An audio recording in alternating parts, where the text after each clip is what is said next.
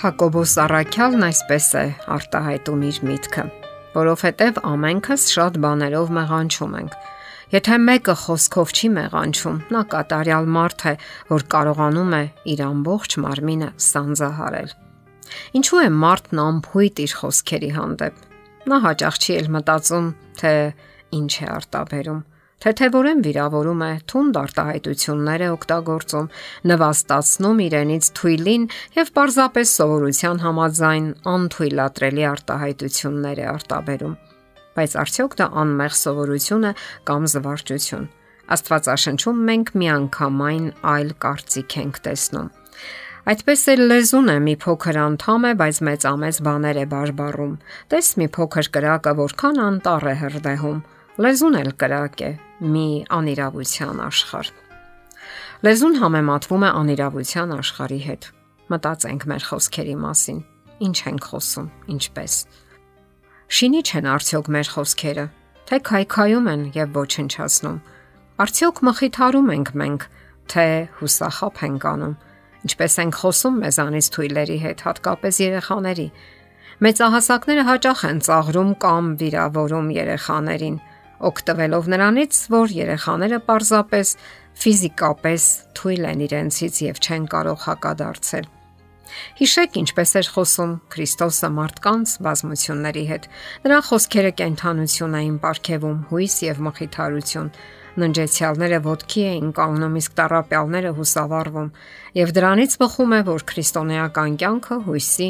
մխիթարության ու հրաշքների կյանք պետք է լինի։ Իսկ դուք մտածել եք Ինչպիսին են ձեր խոսքերը։ Հնարավոր է դուք բարկացկոտ եք կամ նյարդային։ Մի արդարացրեք այդ արատները ժառանգականությամբ կամ բնավորությամբ։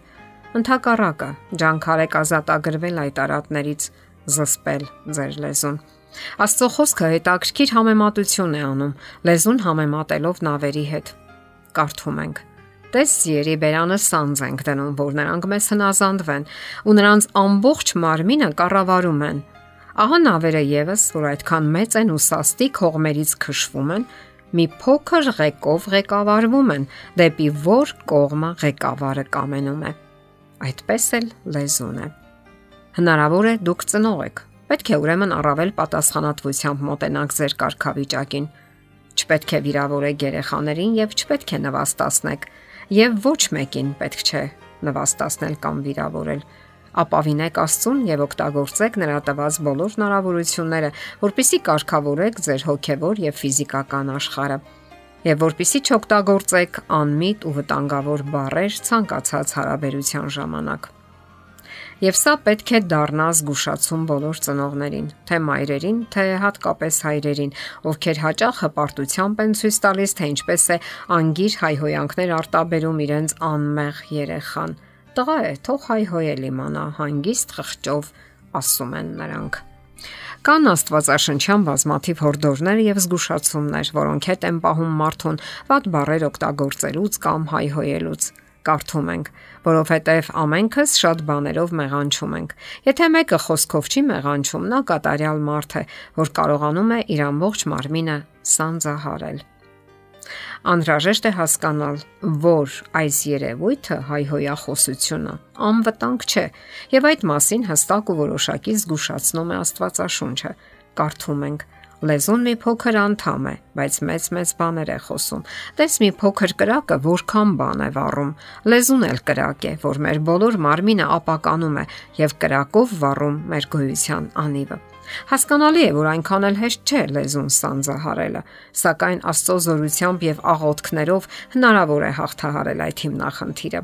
Աստծո ապարքեված լեզվով մենք օրհնում ենք Աստծուն, աղոթում ենք եւ միաժամանակ անիծում կամ պիղծ բառեր օգտագործում։ Աստծո խոսքը այսպիսի զգուշացում է տալիս բայց մարդկանց լեզուն ոչ ոք չի կարող հնազանդեցնել։ Նա անզուսպ ու չար է, մահաբեր թույնով լցված։ Նրանով օրհնում ենք Տիրոջը եւ Հորը, նրանով նաև անիծում ենք մարդկանց, որ Աստծո նմանությամբ են ստեղծված։ Միևնույն բերանից դուրս են գալիս օրհնություն եւ անեծք։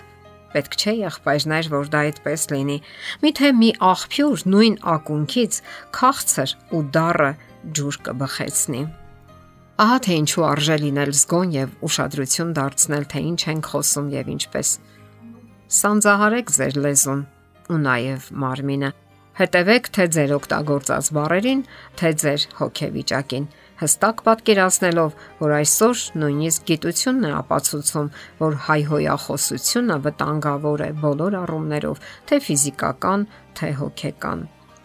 Ձգտենք Աստվածային իմաստության, որովհետև ի վերուստ տրված իմաստությունը նախ սուրբ է,